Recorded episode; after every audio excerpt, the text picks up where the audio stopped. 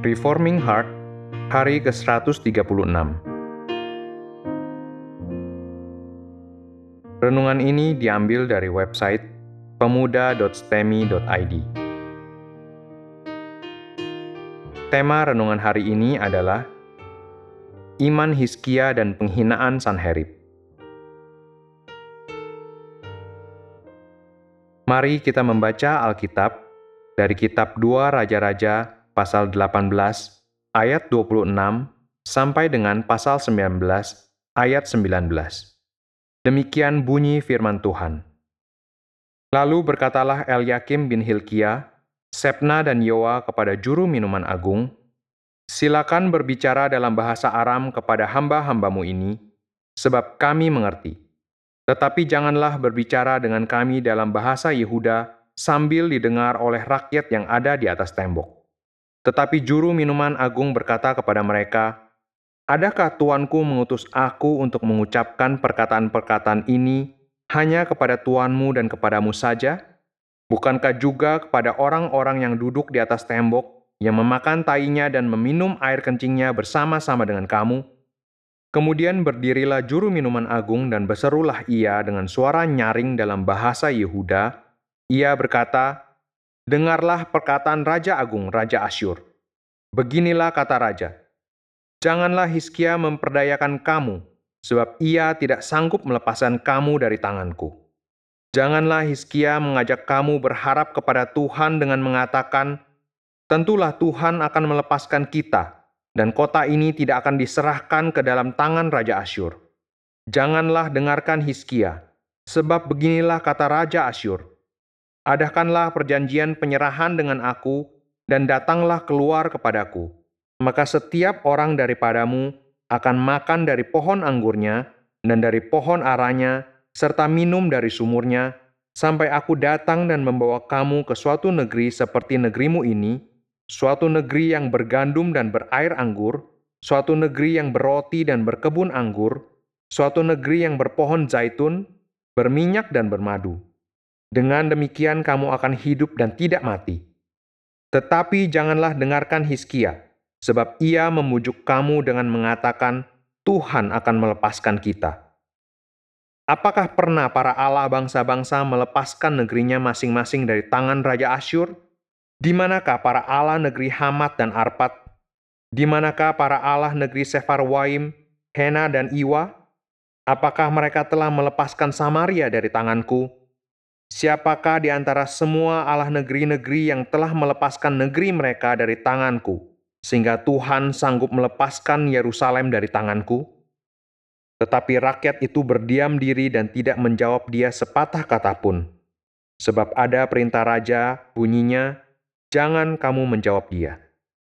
Kemudian pergilah Eliakim bin Hilkia, kepala istana, dan Sepna, panitra negara, dan Yoa bin Asaf, bendahara negara, menghadap Hiskia dengan pakaian yang dikoyakkan. Lalu memberitahukan kepadanya perkataan juru minuman agung.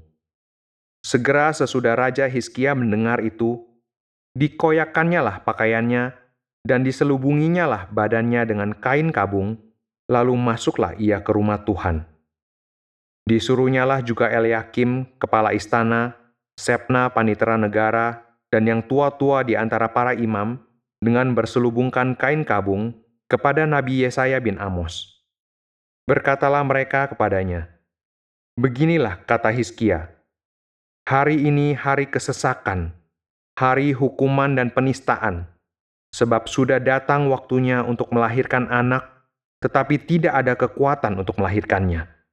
Mungkin Tuhan Allahmu sudah mendengar segala perkataan juru minuman agung yang telah diutus oleh Raja Asyur tuannya untuk mencela Allah yang hidup, sehingga Tuhan Allahmu mau memberi hukuman karena perkataan-perkataan yang telah didengarnya.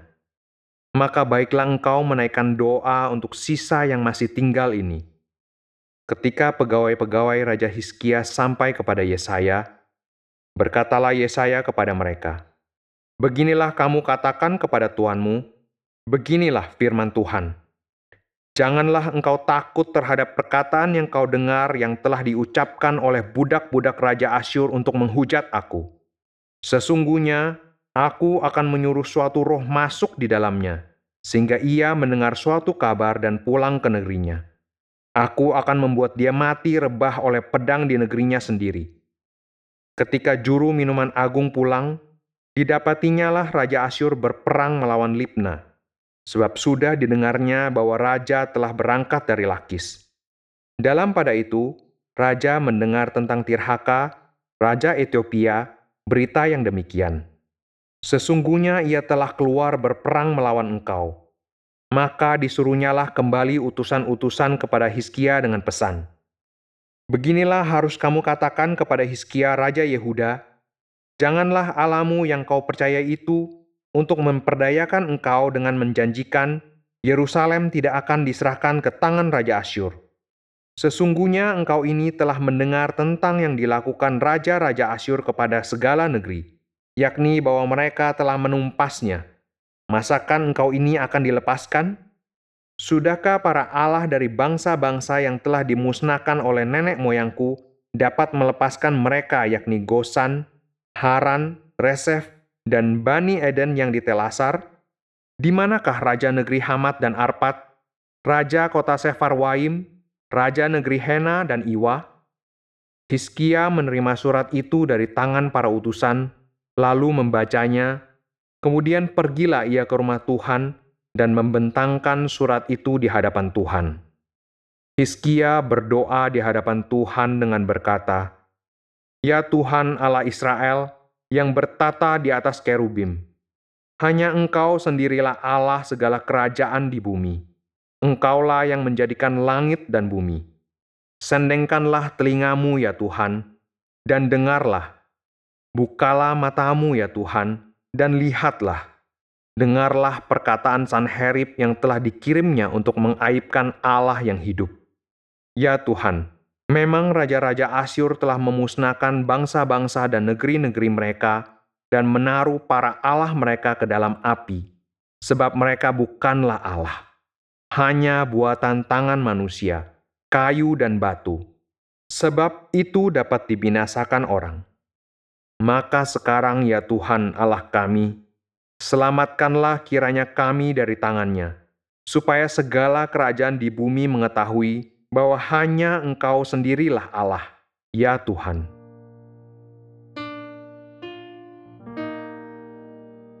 Penjelasan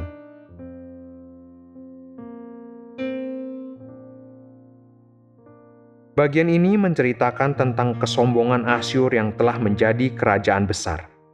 Mereka telah menghancurkan banyak sekali bangsa-bangsa dan tidak satu pun dari bangsa-bangsa itu dapat mencegah pasukan tentara Asyur.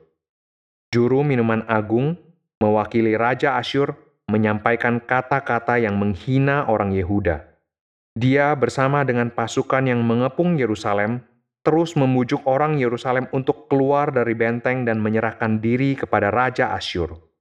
Semua penghinaan itu tidak dijawab oleh orang Yehuda. Mereka tetap diam dan mengabaikan segala perkataan utusan Asyur itu. Tetapi ini justru memberikan alasan yang berikutnya bahwa Tuhan akan menolong Yerusalem. Kesombongan Asyur itu akan dibayar dengan sangat mahal oleh mereka, dan Yehuda akan tertolong dari kekalahan. Selain karena ada raja yang setia kepada Tuhan, yaitu Hizkia, Yerusalem juga tertolong oleh keangkuhan musuhnya. Mereka tidak sadar bahwa yang membuat mereka sanggup melempar ilah-ilah bangsa-bangsa lain ke dalam api adalah karena Tuhan memang memakai mereka untuk melakukan hal-hal itu.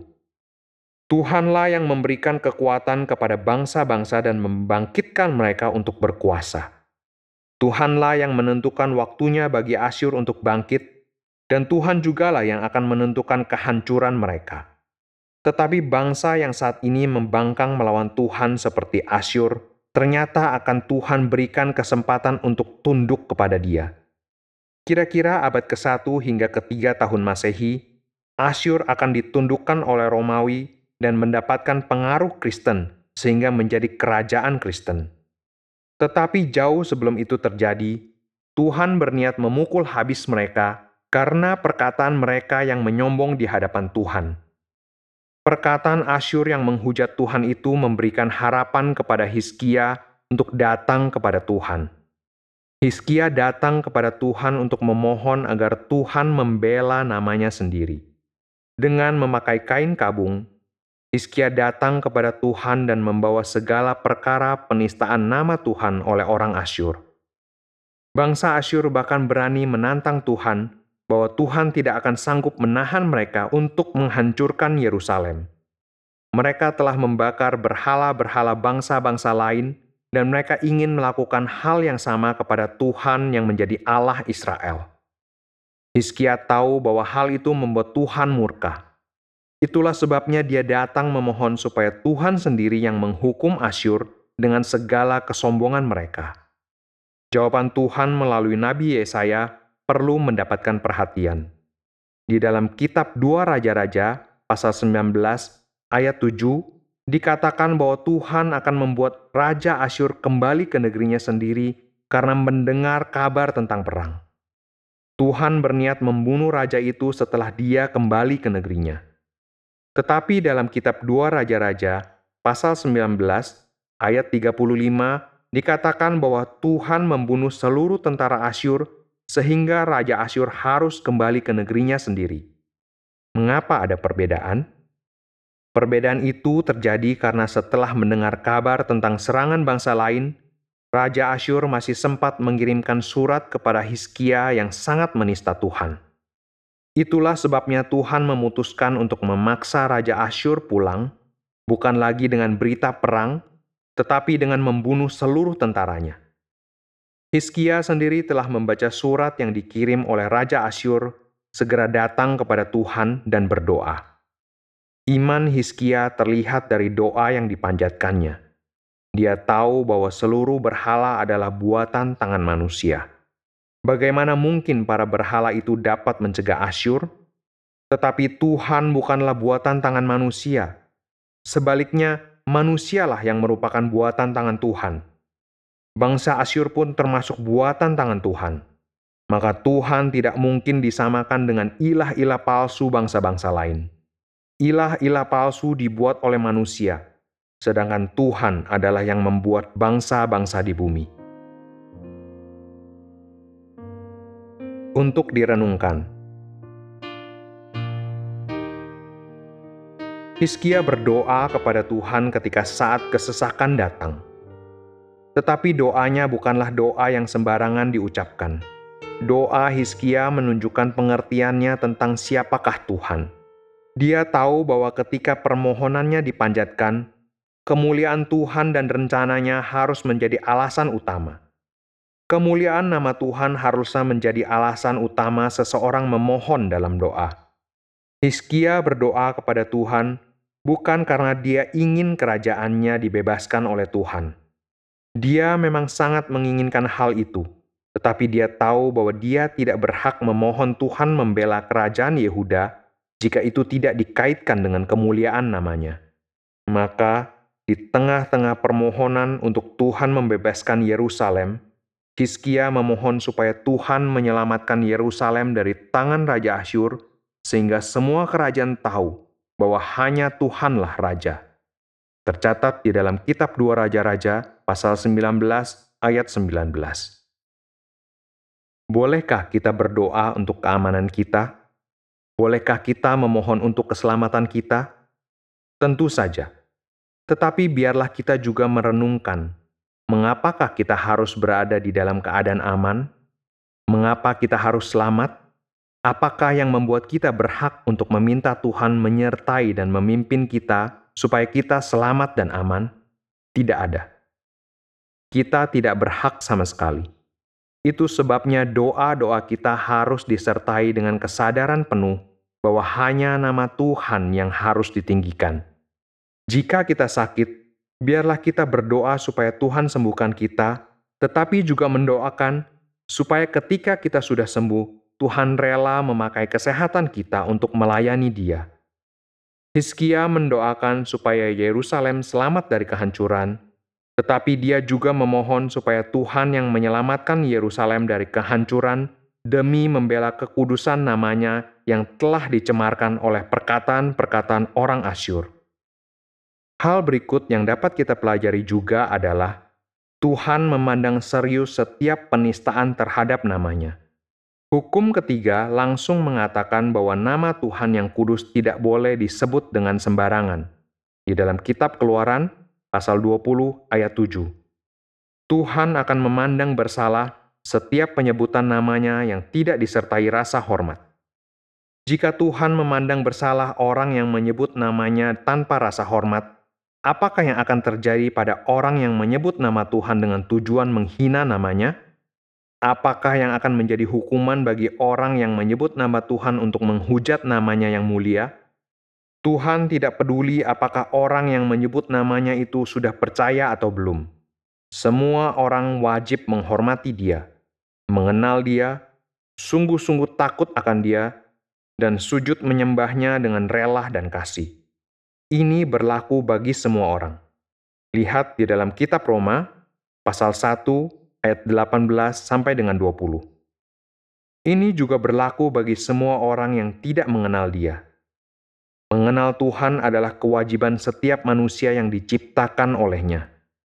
Maka kegagalan mengenal Tuhan bukanlah tanggung jawab Tuhan.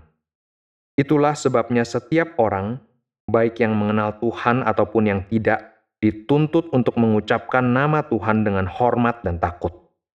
Alangkah menakutkan mendengar orang-orang yang tidak mengenal Tuhan dan yang menolak percaya kepadanya mempermainkan namanya. Mereka menyebut namanya dengan penghinaan, penghujatan, dan mempermainkan namanya seolah-olah dia tidak mendengar dan tidak berdaya melakukan apa-apa. Alangkah kasihan nasib orang yang berani mempermainkan nama Tuhan. Semoga Tuhan berkenan untuk mengampuni orang-orang seperti itu dan mempertobatkan mereka sehingga mereka sungguh-sungguh hormat kepada nama Tuhan. Pertanyaan renungan yang pertama, apakah yang paling sering kita doakan kepada Tuhan?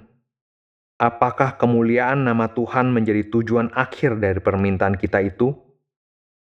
Kedua, Pernahkah mendengar orang tidak percaya yang terlalu berani mempermainkan dan menghina nama Tuhan? Sudahkah perasaan hormat dan takut yang kita miliki membuat kita menyebut nama Tuhan dengan lebih hormat? Jaga baik-baik supaya kita tidak menyebut nama Tuhan dengan cara yang sama dengan mereka.